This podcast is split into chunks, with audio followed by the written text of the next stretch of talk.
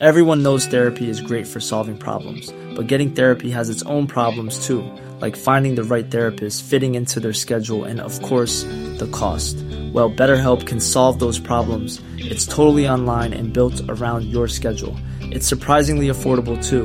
Connect with a credentialed therapist by phone, video, or online chat, all from the comfort of your home. Visit betterhelp.com to learn more and save 10% on your first month. That's BetterHelp, H E L P. Burrow is a furniture company known for timeless design and thoughtful construction and free shipping, and that extends to their outdoor collection. Their outdoor furniture is built to withstand the elements, featuring rust-proof stainless steel hardware, weather-ready teak, and quick-dry foam cushions. For Memorial Day, get 15% off your Burrow purchase at burrow.com slash ACAST and up to 25% off outdoor. That's up to 25% off outdoor furniture at burrow.com slash ACAST. Wow. Nice. Yeah. What you're hearing are the sounds of people everywhere putting on Bombas socks, underwear, and t-shirts made from absurdly soft materials that feel like plush clouds. Yeah, that plush. And the best part? For every item you purchase, Bombas donates another to someone facing homelessness. Bombas. Big comfort for everyone. Go to bombas.com slash ACAST and use code ACAST for 20% off your first purchase. That's bombas.com slash ACAST. Code ACAST. Gott folk, lyssnare, wow! Vilken respons vi har fått efter förra veckans fina avsnitt med Adam Pinnen Pintorp där vi pratade om namn, eller hur Leo? Ja, nej men alltså, vi kan väl säga så här, på förhand kände vi väl att det var kanske det mest eh, tveksamma avsnittet, kanske ska jag inte säga, men liksom lite konstigaste ämnet. Och så eh, spelade vi in det och hade jäkligt kul när vi spelade in det. Och så blev responsen, alltså det känns ju som att lägger man ihop responsen på alla andra avsnitt gemensamt så är, så är nog det knappt upp till responsen på det här avsnittet. För folk gillar att ranka namn inom fotbollen. Sablar vad folk har hört av sig. Ja, verkligen. Helt otroligt. Och, och det vill vi verkligen skicka med er nu. Stort tack. Fortsätt göra det. Det, det värmer hjärtat oerhört mycket. Och sen... Fortsätt ranka namn alltså, inte höra av er, utan fortsätt ranka, namn. Ni får jättegärna höra av er, ranka namn också. Men, men eh, som vissa av er har hållit med fullständigt, andra tycker att vi varit helt ute och cyklat. Men att ni tar er den tiden och skriver till oss, det, det betyder oerhört mycket. Och, och värmer väldigt mycket. Och vi var ju inne här på, eller rättare sagt, det var du som öppnade den här fantastiska dörren till eh, nederländska slash holländska namn, Leo. Och eh, vi har ju faktiskt fått en, eh, en liten notis här, ett mail av Fride Prins som skriver varför det är som det är, helt enkelt. Jag tänkte jag läser det kort här. Låter det bra? Mm, ja, men kör. Jag, jag vet redan vad vi ska läsa, men det här, det här mejlet är det som har gjort mig mest glad hittills. Så kör på. Skriver Fride. Tack för ett lysande avsnitt. Verkligen en fröjd att lyssna på. Tusen tack. Ni lyfter holländska namntradition och som holländare känner mig tvingad att förklara. När man föds så registreras man två olika namnkategorier. Dels dopnamn, till exempel Rutgerus Johannes Martinus van Nistelrooy och tilltalsnamn, i det här fallet Rod. Man har alltså två olika kategorier av namn. Så Rod van Nistelrooy heter egentligen Rutgerus Johannes och så vidare. Utan det är bara ett av hans två namn. Alltså det, här, det här är, det är så jäkla ett. Tack Fride för att du hör av dig. Men det finns många, många eh, följdfrågor här. Så du får gärna skicka ett svar igen. Eller spela in ett röstmeddelande så spelar vi upp det. För man undrar ju då så här. Hur ser det ut i, i de holländska passen? Står det Rutgerus Johannes Martinus? Eller står det Rud? Eller står det både och? Det är den ena följdfrågan. och den andra följdfrågan är ju då Fride som skickar det här mejlet. Vad är, vad är ditt liksom officiella dopnamn? Är det Fridolfus eller Fridolinus? Man undrar ju, Fride. Vi vill ha svar på frågorna, men framförallt det låter som att jag driver med, med det här och det gör jag inte. Jag tycker det här är så jäkla häftigt. Så, så eh, svara på frågorna om du orkar. Väldigt kul och spännande. Jättegärna. Skicka in via mail, eller precis som du sa Leo, ni får ju skicka ljudmeddelande om ni, om ni känner för det. Så spelar vi upp dem här i podden också. För att det, det är någonting som är väldigt kul att göra. Självklart kommer vi inte spela upp vilka ljudmeddelanden som helst om vi tycker att de är opassande. Men ha det bra innehåll. Det behöver inte vara att ni, ni hyllar oss. Ni kan också kritisera oss. Men så länge ni håller god ton på ett sätt så, så kommer vi ju spela upp det helt enkelt. Så ja, nej, superkul. Men vi har ju också fått många namn inskickade och ett av namnen som eh, dök upp flertals gånger hos folk, bland annat av eh, från Pontus Hagvall. Han skriver Douglas Maikon. Ehm, det är ju ett namn som eh, en fotbollsspelare, brassen, som har blivit döpt efter just Michael Douglas. Är det ett namn som du tänkte på innan? ja, han fanns, den är faktiskt väldigt rolig. Han fanns ju med på någon slags bruttolista och den är ju... Eh, den föll bort lite för att Douglas Maikon inte låter så bra, men när man har förklaringen så är det ju, den är ju otroligt rolig. Varför skulle någon vilja döpa honom efter Michael Douglas? Nej, det är fantastiskt. Ja. Det, är, det är en fempoängare och en klar kandidat till en sån här lista. Pierre skickar in här två namn som jag tror, eh, speciellt ett av dem som jag tycker ändå känns lite Leo-aktigt. Det är ju bland annat Radja Nainggolan, men också André Pierre Gignac. Är det inte ett litet skönt namn ändå. Ja, oh, jo, men det är väl trevligt. Men då föredrar ju ändå, som vi nämnde i avsnittet, tror jag, han Alain Junior Olé Olé. Det, det, är bra, det är ett bra dubbelnamn på franska. Verkligen. Sen eh, är jag ju extra glad när eh, vissa nämner lite tyska namn. Eh, vi, vi, har ju ett namn här jag ska se. Jag tror det var Klas här. Exakt. Klas skickade in och nämnde då en, eh, en liten husgud hos mig. Fußballgott som man kallar i den moderna tyska fotbollen. Bastian Schweinsteiger. Det, det ligger ju fint i munnen, eller hur? Bastian, det är lite hårt och likt, lite elakt tycker jag. Bastian Schweinsteiger. Men sen är det ju mäktigt på ett tyskt sätt. Men det jag ska ge dig Kevin, det jag gillar med tysk namntradition, det är att ni är fasiken det enda folket i världen som kommer undan med att döpa era professionella fotbollsspelare till typ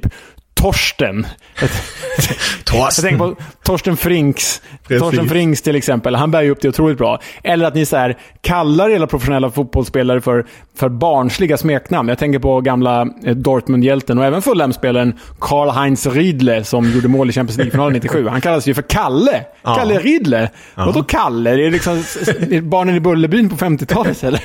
Så nej, det ska ni ha. Det bär ni upp på ett bra sätt, tyskar. Ja, danke. Det, det, Rummenigger är ju också Karl-Heinz. Rummenigger, han kallas ju Kalle i, i Bayern-kretsar. Ja, är det, är det Kodisbellan han är med i? Det, man, man undrar ju liksom. Det är bra, ni bär upp det. Det klarar inte ens vi svenskar och då är det många som kallas för Kalle. Ja. Sen är det ett namn som också har kommit upp flertalet gånger. Bland annat Axel Rabe skrev in och skickade det. Och det här namnet... Ska jag uttala det? Du och pinnen. Ni kan ju uttala det. Det är sydafrikanska spelaren som eh, har ett riktigt härligt namn som man, man blir bara glad av. Eller hur? Ja, nej men, nej men så är det ju. Du tänker ju på Sipiwe Chabalala. Exakt. Som gjorde premiärmålet eh, för Sydafrika i VM 2010. Och eh, den, faktiskt, jag måste erkänna, den här Eh, jag tänkte bara inte på det när jag gjorde listan, för han hade mycket väl kunnat ta en plats på topp 5. Han har stor personlig relevans för mig, för mitt kompisgäng och jag då, 2010, vi blev så hänförda av Sipovic Chabalala, så vi började ju sjunga hans namn på som målgest i korpen och gjorde mål. Sipiwe Chabalala. Så ja, en, en, med risk för exotifiering av hans namn där. Men absolut, Sipiwe Chabalala gillas. Ja, nej. Och om man får lägga till en afrikan, mm. så Kameruns nuvarande förbundskapten, tidigare storspelare, Rigobert Song. Mycket bra. Det är ett starkt namn det med. Ja, ni, ni hör, det, det, finns så många härliga namn och det är så underbart att ni har skrivit in och skickat in dem. Fortsätt gärna skicka in era förslag eh, på era listor och ni har också skickat in förslag på ämnen vi ska ta upp. Ehm, nu ska jag inte avslöja vissa av dem för att de kommer vi förmodligen använda oss av och, och tacka ödmjukast för att ni skickar in dem. Men skicka också in ämnen om ni kom på något roligt ämne. För att lite som du var inne på här Leo innan. När vi gjorde den här, namn, den här namnlistan och sånt var vi lite osäkra. Är, vi, är det här rätt ute? Är det, man kan göra en lista av det men bara för att man kan göra en lista av det, är det rätt att göra ett avsnitt med en lista av det då?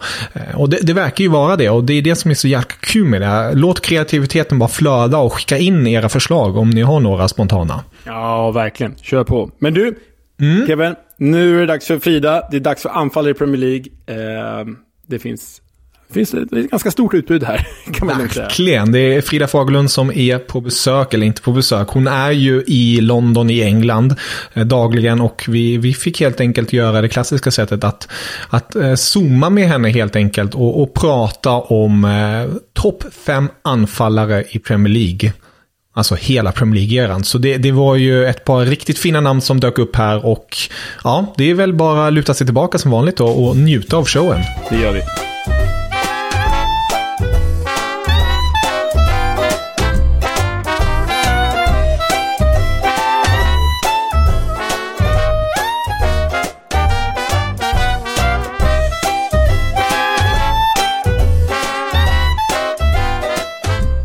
Välkommen till ett nytt avsnitt av Fotbollskanalen Topp 5, Leo. Nu kommer vi till en väldigt, eh, väldigt tuff lista. Eh, det är alltid tuffa listor som vi tar oss an, eh, men nu är det en väldigt tuff lista med tanke på att vi ska snacka om anfallare i Premier League. Ja, det här det känns som att jag säger det varje vecka, men det här är ju en lista som förpliktigar. För mm. även om Premier League är en ganska ung liga, det får vi ändå tillstå. Den är i alla fall yngre än vad jag är, det måste betyda någonting.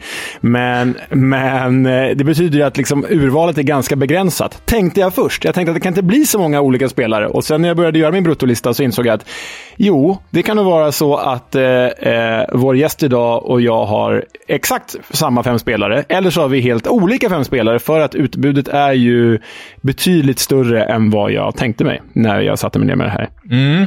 Och det känns ju väldigt passande att prata med en riktig England-expert när vi ska ta oss an de bästa anfallarna i Premier Leagues historia. Och då tänkte jag precis säga London Calling, men nu glömde jag faktiskt bort. Frida, vart befinner du dig i England igen? Jo, det är London faktiskt. Eh, jag bor just nu i North London och sen så ska jag faktiskt flytta om ett par månader till South, vilket känns lite jobbigt sådär. Och, oh, till Crystal Palace? Eh, nej, eh, inte riktigt. Eh, Kingston snarare. Eh, så att, eh, ja, ah. vi får se hur jag, hur jag hanterar den omställningen. För det är verkligen en omställning. Det är ju antingen är du North eller så är du South. Det är inte så ofta man flyttar emellan de här väderstrecken. Men eh, jag överlever förhoppningsvis. Ja, du, vi, vi får ta en rapport om det senare. Men eh, låt oss gå till fotbollsplanen och prata om dessa finalister som ni ska presentera. För det är ju, precis som du nämner Leo, det är ju kanske inte så många namn om man till exempel skulle ta en annan liga såsom Serie A eller Bundesliga. Då hade det ju blivit en hel del fler namn man skulle kunna ta upp. Men nu är det Premier League och det är en liga som engagerar. Och Frida, nu har du bott ett tag i England. Har din bild om Premier League förändrats något sedan dess? Ja, definitivt. Man får ju en mycket större kunskap om allting. Alltså om, om samhället England och om...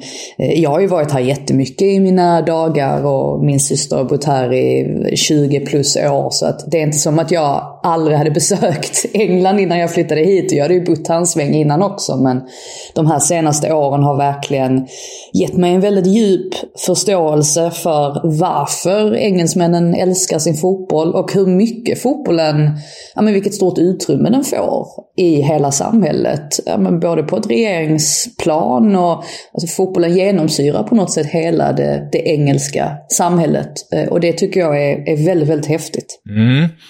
Och eh, då blir det extra kul att ta upp den här listan då med tanke på att det finns mycket rivalitet mellan klubbarna och det lär ju engagera lyssnarna här.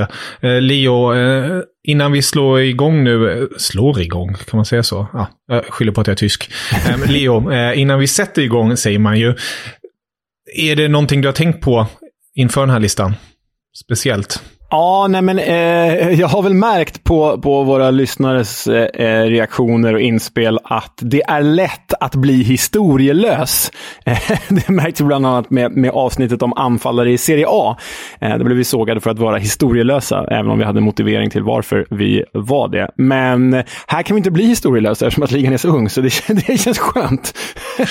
Ja. men, men det känns fortfarande som alltid att man bara kan göra fel. Men det är det som är härligt med listor. Det här är Fridas lista, det här är min lista, det behöver inte vara er lista. Vi vill ju höra er, så äh, vi kör bara. Det gör vi. Frida, vem har du på plats nummer fem? Ja, jag berättade ju det för er att jag inte riktigt hade kommit överens med mig själv om rangordningen av de här spelarna. Och jag tycker också att anfallare, det är ju ändå skillnad där på, eh, ja, men om listan hade varit ja, men de fem bästa strikersna, så kan man knappt säga. Men anfallare nu alltså, då inkluderar jag eh, spelare som kanske startade ute på kanten eh, och eventuellt har blivit strikers senare i, eh, i karriären. Men jag tror ändå att på femte plats så trycker jag in Sergio Agüero.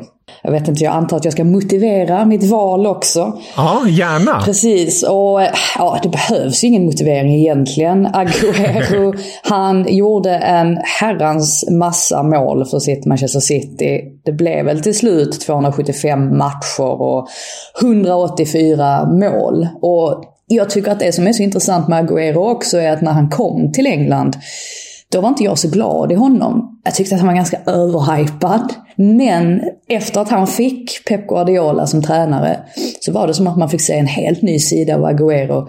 Han blev mer som en, skulle jag vilja säga, lite mer som en falsk nia. Att han plockade upp de attributen som en falsk nia har. Att han blev mycket mer intelligent i sitt spel. Så jag tycker, eller jag tror i alla fall, att Agüero har Pep Guardiola att tacka för väldigt mycket. Även om det märktes under de sista åren i Manchester City att Guardiola, ja, när, när de stora matcherna väl kom så valde Guardiola oftast att satsa på någon annan. Men i det stora hela så tycker jag ändå att han förtjänar att vara, vara med på den här listan. Mm, Sergio Aguero, Leo, det är ju en profilstark spelare som personifierar lite Manchester Citys rise, så att säga. Vad är din kommentar kring detta? Ja, nej, men han, han personifierar väl Manchester Citys moderna framgångar, eller jag behöver inte ens säga moderna framgångar, det kan väl säga framgångar. Ehm, eh, liksom David Silva där också. Nej, men Agüero är ett namn som jag brottades med också på den här listan och eh, eh vi får väl se om han dyker upp längre ner på min, men Eh, ja, alltså jag tycker Frida motiverar det här bra. 184 mål blir det som sagt. Han blir ju liksom synonym, i alla fall de första åren där, med Citys alla framgångar. Speciellt under Guardiola. Och det här är ju i min bok en ganska underskattad spelare, för han var ju en straffområdesspelare, en goalgetter, stod för sina tappins. Men som Frida är inne på, som du är inne på Frida, att han blev en falsk nia. Han blev något annat. Han blev mer komplett under Guardiola. Han spelade inte bara för sig själv, utan spelade för laget. Och eh, ja, tittar man på målsnitt också. Det här är ju spelaren med bäst målsnitt i, i Premier League-historien. Han gjorde alltså mål var 108 minut.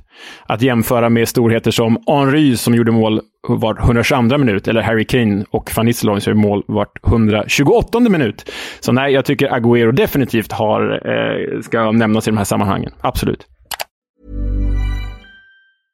Ryan Reynolds here from Mint Mobile. With the price of just about everything going up during inflation, we thought we'd bring our prices down. So to help us, we brought in a reverse auctioneer, which is apparently a thing. Mint Mobile unlimited premium wireless. Have to get 30, 30, bit to get 30, bit to get 20, 20, 20, bit to get 20, 20, bit to get 15, 15, 15, 15 just 15 bucks a month. So, Give it a try at mintmobile.com/switch. slash $45 up front for 3 months plus taxes and fees. Promo for new customers for limited time. Unlimited more than 40 gigabytes per month slows. Full terms at mintmobile.com. Burrow's furniture is built for the way you live. From ensuring easy assembly and disassembly to honoring highly requested new colors for their award-winning seating, they always have their customers in mind. Their modular seating is made out of durable materials to last and grow with you. And with Burrow, you always get fast, free shipping. Get up to 60% off during Burrow's Memorial Day sale at burrow.com slash ACAST. That's burrow.com slash ACAST. burrow.com slash ACAST. Hey there, it's Michelle Norris. I'm host of a podcast called Your Mama's Kitchen. When I travel, I'm usually looking for a way to find a taste of home when I'm not at home. And one of the things I love to do when I am at home is entertain. And Airbnb allows me to do that. When I was in California recently, I rented a house that had a great kitchen. And when we were sitting around the table, we're all thinking, we're in someone else's house. Someone could be in all of our homes as well. If you have a home, but you're not always at home, you have an Airbnb. Your home might be worth more than you think. Find out how much at airbnb.com slash host.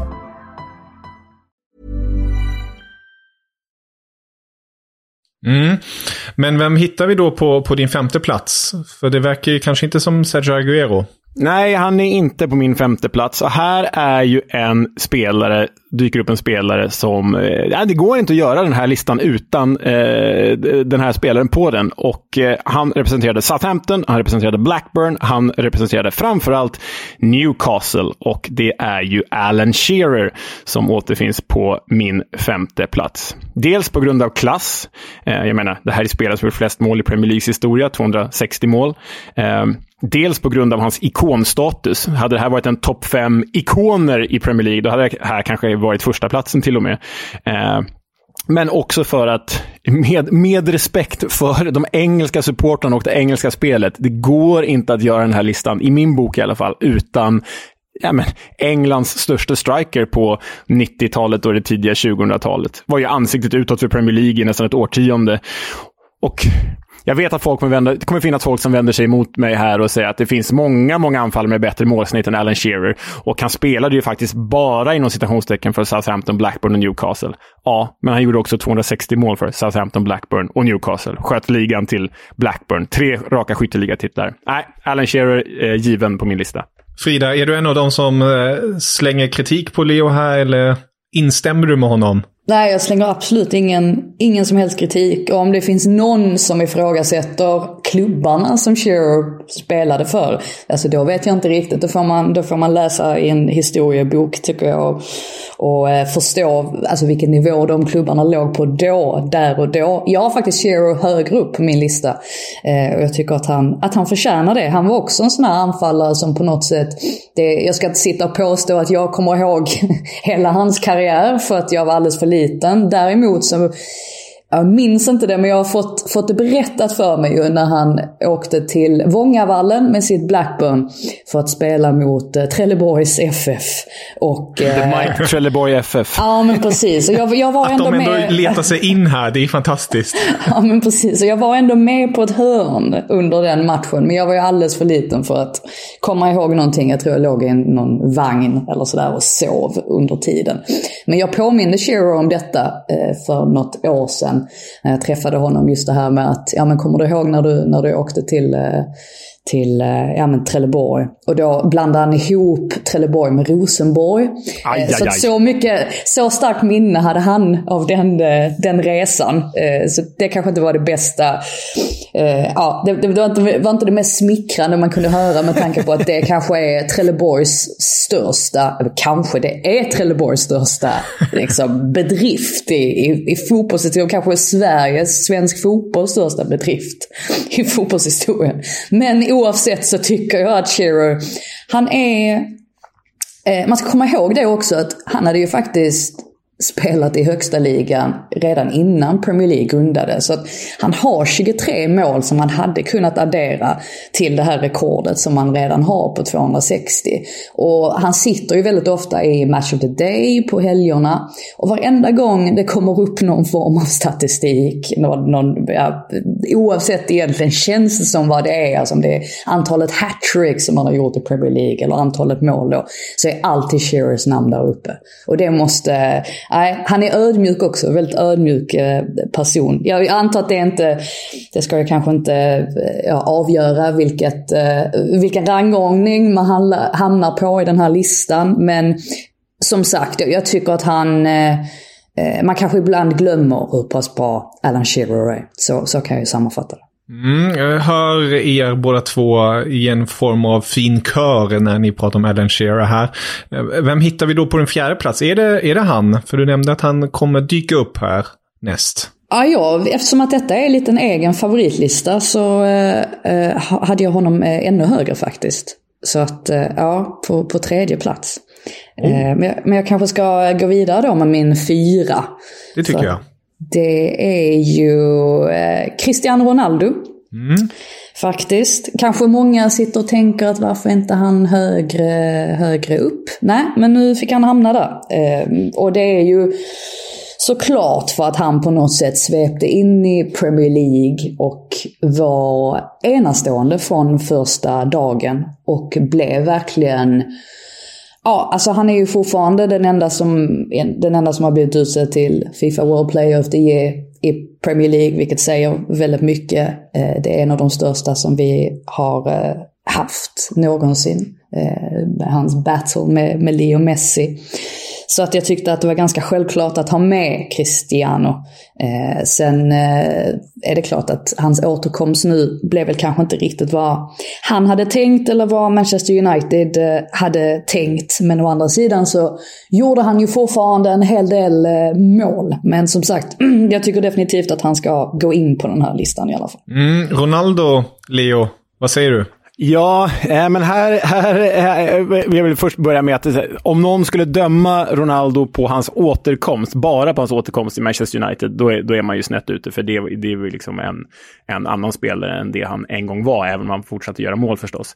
Men här hamnar vi på det som vi varit inne på några gånger tidigare i podden, att, som, och som är så kul med listor också, att man har ju olika definition, definitioner här. Och jag satt ju också med Cristiano Ronaldo som ett namn och så kände jag att nej, jag vill inte räkna honom som anfallare ändå. Så, så hade jag gjort det, eh, så hade jag gjort som du Frida, då hade han varit med på min, min topp 5-lista. Men jag valde att eh, eh, inte definiera honom som anfallare eh, och därför eh, hamna, är han i, var han inte ens med till slut i diskussionen för mig. Men jag, jag köper allt du säger. Jag menar, Cristiano, Cristiano Ronaldo, första sessionen i Manchester United, är ett unikum ju. Alltså det är väl med risk för att svära i någon slags Old Traffordsk kyrka så är ju Cristiano Ronaldo kanske den bästa spelaren som har eh, sprungit runt på Old Trafford. Så mm. väl motiverad plats, absolut. Mm. Vem hittar vi då på din fjärde plats då? Nej men där, eh, eh, ja, jag får bara fylla i lite med det, med det Frida hade på sin eh, femte plats. Men där har jag Sergio Kun Agüero. Och Premier League har ju haft sina goalgetters och tap-ins. Det har varit Harry Kane, och Ruud van Nistelrooy, Michael Owen, Robbie Fowler, Jermaine Defoe. Ni kan spela typen. Men i min bok har ingen av dem varit lika bra som Sergio Agüero. Eh, och jag behöver inte säga så mycket mer. Det här är den bästa goalgetten för mig i Premier League-historien. Mm, Sergio Agüero. Din tredje plats Frida nämnde du precis Alan Shearer. Eh, mm. Personlig favorit verkar det som. Han tar din pall, första pallplats. Ja, precis. Inget, inget snack om saken tycker jag. Nej. snabba bullar här. Då hoppar vi direkt till dig Leo igen då. På din tredje plats. Vem, vem hittar vi där? För nu, nu börjar vi komma till de väldigt prestigefyllda platserna. Och som vanligt Leo. Mm. Var, jag, jag, förväntar mig tyskar. Det finns ett par fina tyska namn som har spelat i Premier League. Jag tänker på en Lukas Podolski eh, med sin fina vänsterslägga. Eller en Jürgen Klinsmann, får man inte glömma bort. Spurs-tiden. Som levererade på kort tid väldigt mycket ändå. Jürgen Klinsmann hade ju faktiskt, om man liksom bara möter, mäter högsta nivå, så är ju faktiskt Jürgen Klinsmann ett namn att slänga in här. Jag menar, han gjorde väl typ mål i varannan match i, i, i Spurs och höll dem kvar sista året och vann väl skytteligan typ första året, eller i alla fall nära. Um, så Klinsmann hade ju kunnat vara namn för den diskussionen, men nej, och Ove Rössler är inte heller med.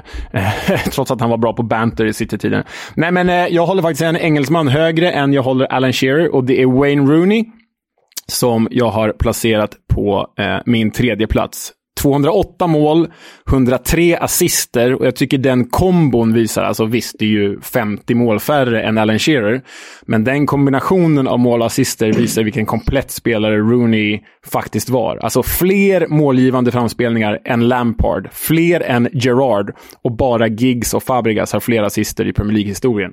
Det är ju Alltså, vad pratar vi? Tredje mest assister i, i Premier League-historien och eh, ja, näst flest mål än så länge. Så det tror jag att det är näst flest. Så nej, eh, Rooney är ju Premier League-historia. Från det att han slog igenom där strax före sin 17-årsdag med Everton och sänkte Arsenal, sänkte The Invincibles.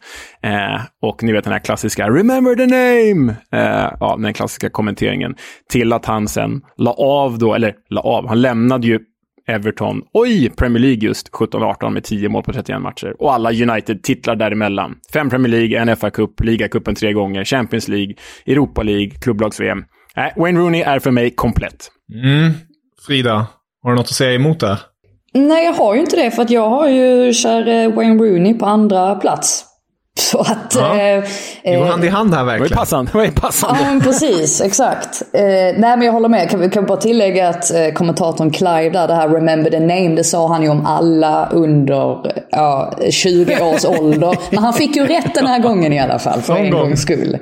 Precis, någon gång ska man ha rätt. Eh, nej, men jag är väldigt fascinerad av, av Wayne Rooney och eh, Leo har ju redan nämnt liksom, allt han gjorde på, på planen och han var ju han var ju lite speciell för han hade ju inte riktigt den mentala biten för att på något sätt, även om han är Wayne Rooney och han är en av de största eh, vi har sett i, i Premier League så känns det ändå som att det fanns mer i honom än vad vi fick se. Det fanns ännu mer. Och hade han bara haft, ja men, på något sätt huvudet på, på plats och inte haft eh, de här eh, alkoholproblemen som man har förstått att han, att han hade nu så här i efterhand.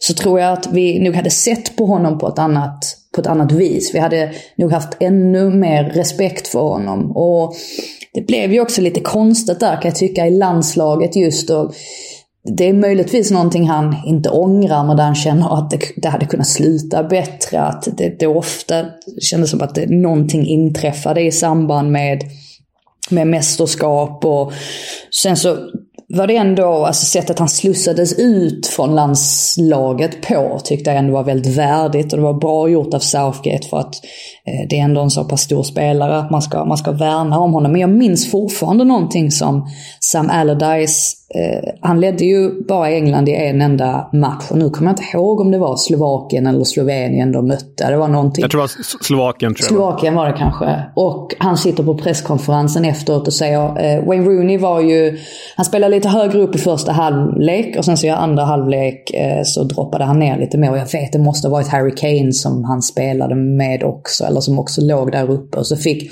Allardyce frågan vad som hade motiverat honom att, att flytta ner Wayne Rooney och då sa Allardyce eh, man, man säger inte åt Wayne Rooney var han ska spela någonstans. Mm. Och jag tyckte att det på något sätt dels visade på att Sam Allardyce inte var van vid att arbeta med så här stora stjärnor. Men också vilken ja, men vilken enorm status Wayne Rooney faktiskt hade i landslaget när han kanske inte borde ha haft det heller.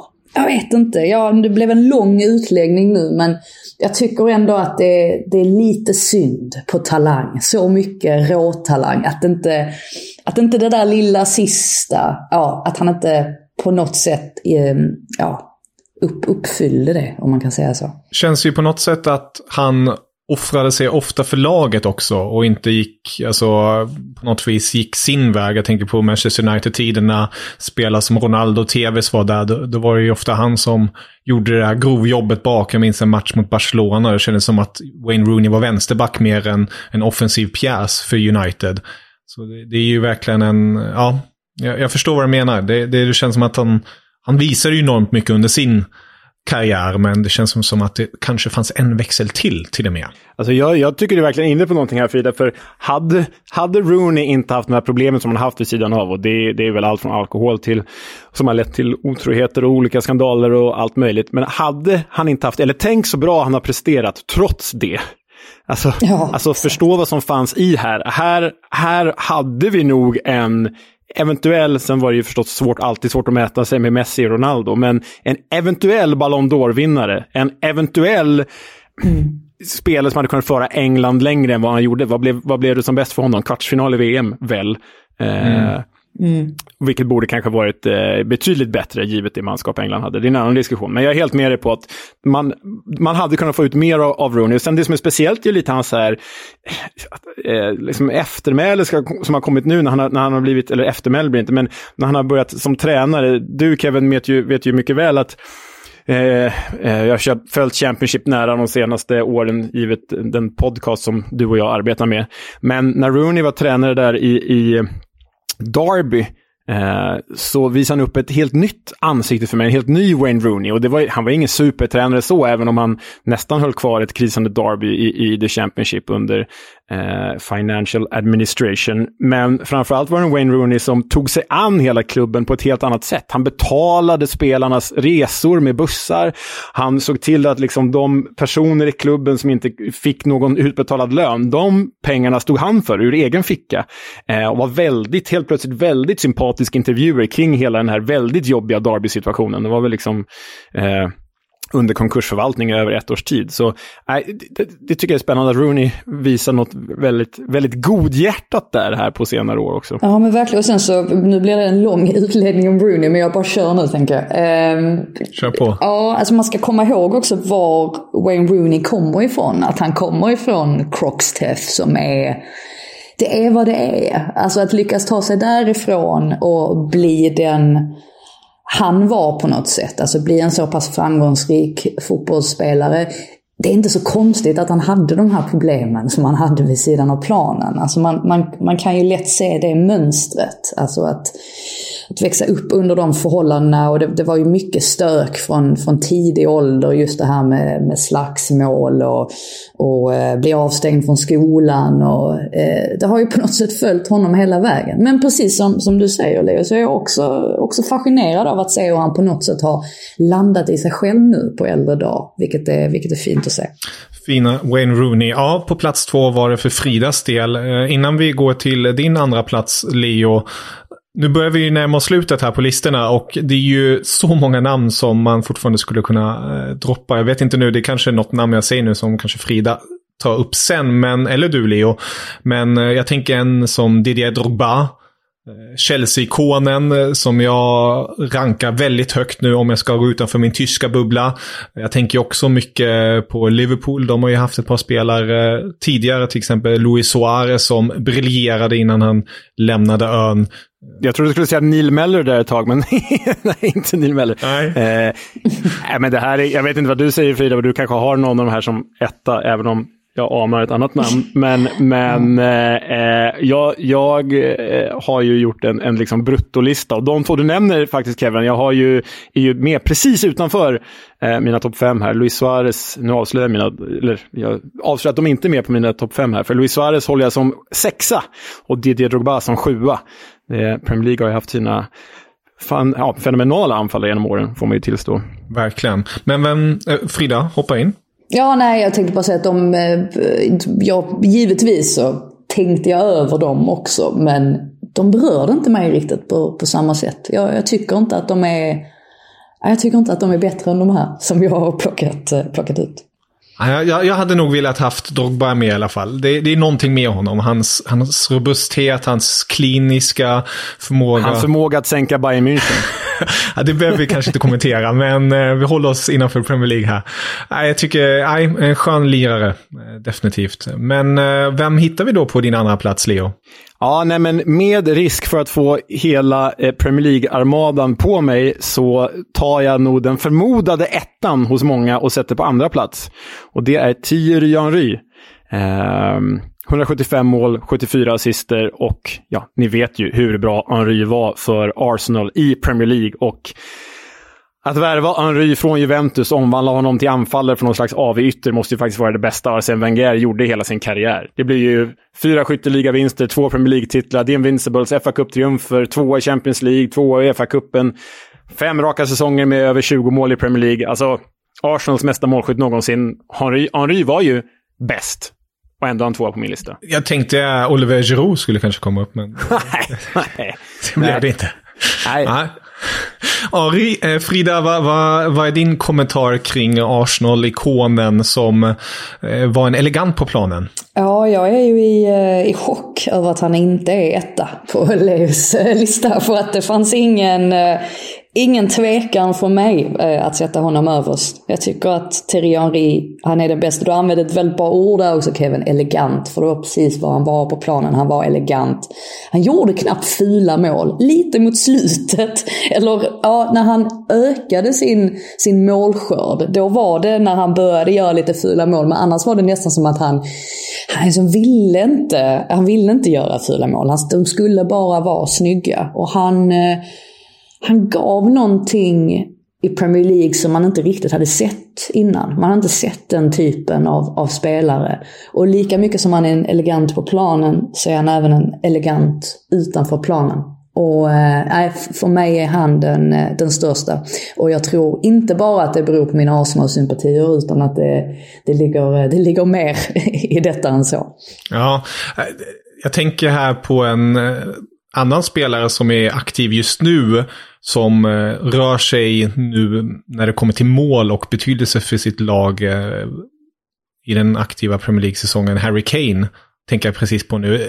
Inte alls samma spelare som Henri och inte alls elegant. Eh, det är all respekt till Harry Kane. Men ett fint tidslag. Men det är ett namn som poppar upp nu direkt när du nämner någon som har varit så stor för, för sin klubblag. Var det någon du tänkte på Frida? Eh, nej, alltså jag var ganska fokuserad nu på spelare som i Cristiano Ronaldo-fallet som sagt. Jag, eh, jag använde eh, det här med anfallare lite fritt, så det var därför jag tog med honom. Eh, och jag tänkte väl lite mer på de som har eh, spelat i Premier League. Alltså Harry Kane, en dag kommer vi säkert sätta honom på den där listan också någonstans. Jag tror att det största problemet för Harry Kanes del är att han inte har vunnit någonting. Jag vet att det är någonting man säger som, ja, alltså att man hånar honom för det, men jag tror det är ganska viktigt ändå, alltså, eller det är viktigt. Ska man in på en sån här lista så måste man ändå, man måste ändå vinna någonting. Eh, så att, eh, ja, han har ju några år på sig i karriären, så vi får se eh, om det blir några titlar eller eh, troféer för honom till slut. Ja, för att haka i där så Um, ja, alltså all respekt till Harry Kane, det är ju en fantastisk målskytt, det vet vi ju allihopa. Men eh, dels finns den här titelargumentationen som, som, som eh, Frida eh, nämner, men det finns ju också det här. Jag tycker bara att han är för begränsad fotbollsspelare jämfört med de andra vi har nämnt. Jag vet inte hur, hur du ställer dig till det Frida, men och vem är jag att prata om att någon är begränsad fotbollsspelare? Nådde IFK Täbys B-lag som bäst liksom. Men, men, men alldeles för begränsad jämfört med de andra i min bok. Ja, alltså jag tycker det är svårt, det är särskilt svårt att jämföra med spelare från en annan tid på något sätt. Eh, kan jag tycka. Och så jämföra med någon från idag. Men jag tycker ändå att Harry Kane är en, en, alltså en väldigt, väldigt bra fotbollsspelare. Han är bra på, på mycket. Men som sagt, i min bok så handlar det väldigt mycket om att då måste man kunna bära sitt lag till, till titlar och, och så. Alltså annars så Annars så blir det inte så mycket, ja jag tycker att annars så tyck, har man liksom ingenting att göra på en sån på en sån lista. Så att det, ja. Men eh, ja, vi får se om det, det sker eller inte. Det hade ju kanske varit en annan femma om han hade lett England, nu är det inte Premier League, men England till en, till en titel. Jag tänker på EM till exempel. Det hade kanske skvättat över på er omtanke här kring honom då. Som kapten för England, tänker jag. Ja, men alltså Kane, det är inget snack. Alltså, jag tror att på min bruttolista har jag honom på plats 10 över Premier League-anfallare genom tiden. Alltså, det är inte, alltså, bara för att man inte är med på topp 5 betyder det inte att vi inte tycker han är, han är bra. Det är ju, det är ju en eh, ohyggligt bra målgörare. Men, men jag tycker att det funnits bättre, helt enkelt. Ja, vem hittar vi då på din första plats? Vi, vi har nämnt Harry Kane, vi har nämnt Podolski, vi har nämnt eh, Rodvan Nistelrooy, också en sån där skön lirare som, eh, som jag är väldigt svag för, trots att han är nederländare. Vem hittar vi på första plats? Ja, men jag vill bara återknyta lite till det, till det Frida sa om Henry, att liksom han, Trussard med andra ord, men han, han mer eller mindre revolutionerade ju Premier League. Alltså Premier League, som du sa Frida, de hade ju inte sett den här typen av spelare förut.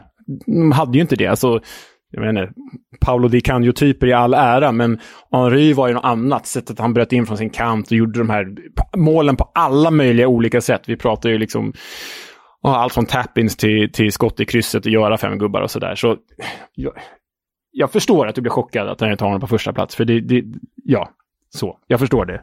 Men för mig så finns det en annan spelare som, som eh, eh, går högre.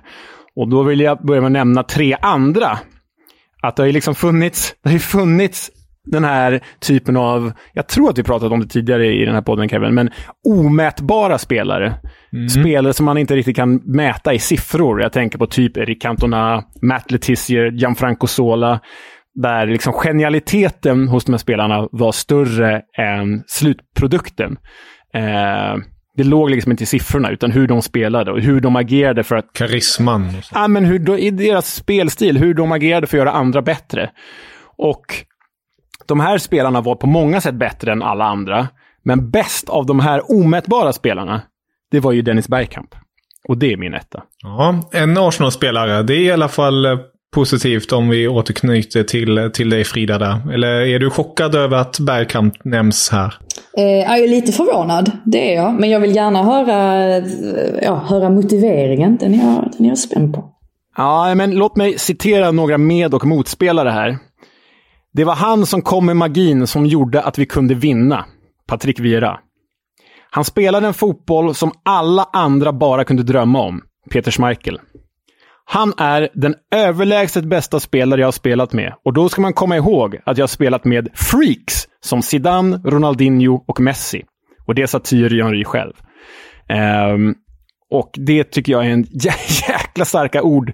Eh, och det här nämns ju mycket i hans biografi också. Eh, framförallt Henri är ju väldigt positiv till Bergkamp i, i, eh, den, i eh, den boken och andra texter också. Och jag vet inte, Bergkamps Henrys samarbete, om vi skulle liksom ranka anfallspar i Premier League-historien, då hade det varit en definitiv etta för mig. För vi har liksom den bästa målgöraren i princip i Henry och vi har den bästa framspelaren, det största geniet i Bergkamp. Och de två var ju helt fulländade tillsammans. Man kan säga York och Cole och man kan säga eh, Aguer med vem man nu har spelat med. Men för mig, firma Bergkamp, Henry, där Bergkamp på många sätt... Alltså om Henry inte gjorde målen själv så var det Bergkamp som såg till att Henry gjorde dem. Eh, och sen bara det här med, med elegansen i, Bergkamp. Top, titta på topp 10 Bergkampmål på, på YouTube så ser ni att det är topp 10 snyggaste mål i världen. I princip. Så nej, Bergkamp. Och det här med att han liksom Bergkamp kom ju till Arsenal lite, lite före eh, Henry. Han kom väl 95 tror jag från Inter. Och då var ju Arsenal kända som the boring, boring Arsenal. Eh, med, med Tony Adams, Martin Keown och ja, allt vad de hette. Men med Wenger och med Bergkamp så tvättar man ju bort stämpeln boring, boring Arsenal och blev ju ja, men kanske världsfotbollens mest underhållande lag i en tioårsperiod. Mm. Fina ord, Frida. Ja, men verkligen. Men det är ju helt sant. Alltså Bergkamp, han var ju ett steg före alla andra på något sätt. Om vi pratar om elegans i Henris fall så var det väl just den där intelligensen och elegansen som han kombinerade. Eh, och det var väl Ian Wright som han kombinerade med först där innan eh, Henri dök upp. Så att, eh, nej absolut. Alltså jag hade liksom ingen hade ingen riktig tanke på honom bara. Jag vet inte om det var att jag skulle försöka sprida ut det lite. Eh, sett, till, eh, ja, sett till klubbar. Och... Han är ju också lite mer anonym ja, ju. Alltså, han, han tar inte plats på samma sätt. Alltså på planen gör han det, men ja, utanför och man snackar inte om honom på det sättet alltid när man tar upp Premier League-anfallare. precis. Men hade jag, hade jag eh, tagit bort Cristiano då med motiveringen att jag kanske ändå ska gå för en, alltså någon som liksom har gjort sig ett namn som en renodlad striker, ja då hade jag kanske haft Bergkamp med där på, på listan. Det är ett, eh, det är good shout. Mm. Ingen jag, jag, tror, Poldi, jag tror att majoriteten av våra lyssnare skulle säga 97 procent håller nog med dig Frida om, om, om den här första platsen. För Henry var ju Henry. Men, men äh, jag kände mig tvungen när jag, när jag skrev den här listan att få in Bergkamp. Det är bra att det, vi, vi kör olika, annars hade det blivit väldigt tråkigt att lyssna på det här avsnittet. ja. ja. Det blir spännande. Som sagt, ni lyssnare, ni får jättegärna skicka in era listor. Skriv gärna på Twitter eller ta kontakt med oss på annat sätt. Det är väldigt roligt att ta del av det. Vi har ju alltid fått lite mail och annat smått och gott. Både kritik och ros. Det tar vi emot alltihopa för att vi vill ju både utvecklas och eh, gärna höra vad vi gör bra. Så att vi vet vad vi ska fortsätta med. Och vem vet, det kanske finns någon annan anfallare där ute som vi inte alls har nämnt. Som ni tycker att vi är helt ute och snurrar. Att vi inte ens har tagit upp det namnet. Var är Brian McBride? Precis. Ja, Michael Owen är ett namn eh, som vi inte ens har nämnt. Tänkt rakt eh, av bara så här. En engelsman som eh, brann väldigt snabbt tyvärr och eh, inte fick kanske den karriären som många hade hoppats på. Men han, man glömmer ändå hur pass bra han var. Det har du helt rätt i. Det är nog inte många som fattar det idag. Att han var, han var verkligen liksom uppe där på absolut högsta hyllan. Men som sagt, det var ju skadan, skadan där som förstörde väldigt mycket. Vem vet, om 20 år, om vi sitter här fortfarande, ehm, så kanske vi pratar om Alexander Isak i det här sammanhanget. Det hade varit kul. Ur ett svenskt ja, Om du tror att den här podden överlever i 20 år, det, det, det är imponerande. Det är jag mer imponerad av än Alexander Isak.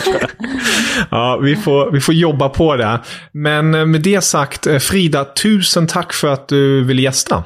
Ja men tack själv, det var kul. Det ska bli kul att mm. se om man blir fullständigt sågad också eh, i något sammanhang här. Men det får jag ta. Ja. Ja, det, det, uppskattas att du ville komma och du är varmt välkommen att återvända. Kanske ta oss an en annan Premier League-lista eller något annat. Det finns ju, Mittbacka. som jag och Leo konstaterat, mittbackar, mm. mittfältare, målvakter. Eh, finns mycket mycket smått och gott där från både Premier League men även från hela fotbollsvärlden. Så ja, Leo. Mål, mål, målvakter låter som att jag har mina Fulham-sympatier. Så låter målvakter väldigt bra givet att det är lätt att såga Arsons målvakter och det enda Fulham faktiskt haft bra genom åren är målvakter. Så det är en bra lista, köper jag. Men ja, vi, vi får ta oss an det i framtiden. Men med det sagt, mm. Leo, vi hörs igen nästa vecka. Det gör vi. Och Frida, du får ha det så jättebra och eh, ni lyssnare, ni som inte redan gör det, följ Frida och hennes resa i England. Det är minst sagt händelserikt och spännande.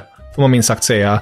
Du jobbar ju både för, för Sportbladet och för Viaplay där du eh, huserar i rutan. Eller hur? Ja, det, det stämmer. Eh, ja, det är kul att kunna kombinera mm. eh, faktiskt. Riktigt häftigt. Mm. Men eh, med det sagt, sköt om er. Hej hej. Auf Wiedersehen.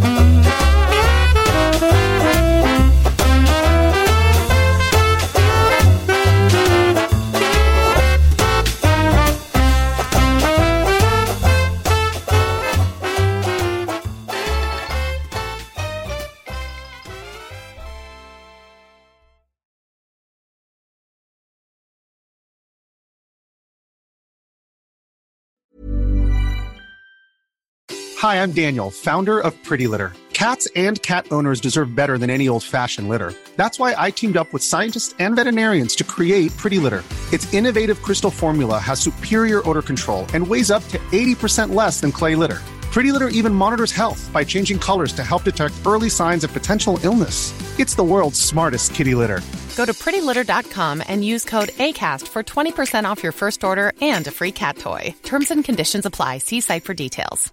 Hey, it's Paige DeSorbo from Giggly Squad. High quality fashion without the price tag. Say hello to Quince. I'm snagging high-end essentials like cozy cashmere sweaters, sleek leather jackets, fine jewelry, and so much more. With Quince being 50 to 80% less than similar brands. And they partner with factories that prioritize safe, ethical, and responsible manufacturing. I love that. Luxury quality within reach. Go to quince.com slash style to get free shipping and 365 day returns on your next order. Quince.com slash style. Mom deserves the best, and there's no better place to shop for Mother's Day than Whole Foods Market. They're your destination for unbeatable savings, from premium gifts to show-stopping flowers and irresistible desserts. Start by saving 33% with Prime on all body care and candles. Then get a 15-stem bunch of tulips for just $9.99 each with Prime. Round out Mom's menu with festive rosé, irresistible berry chantilly cake, and more special treats. Come celebrate Mother's Day at Whole Foods Market.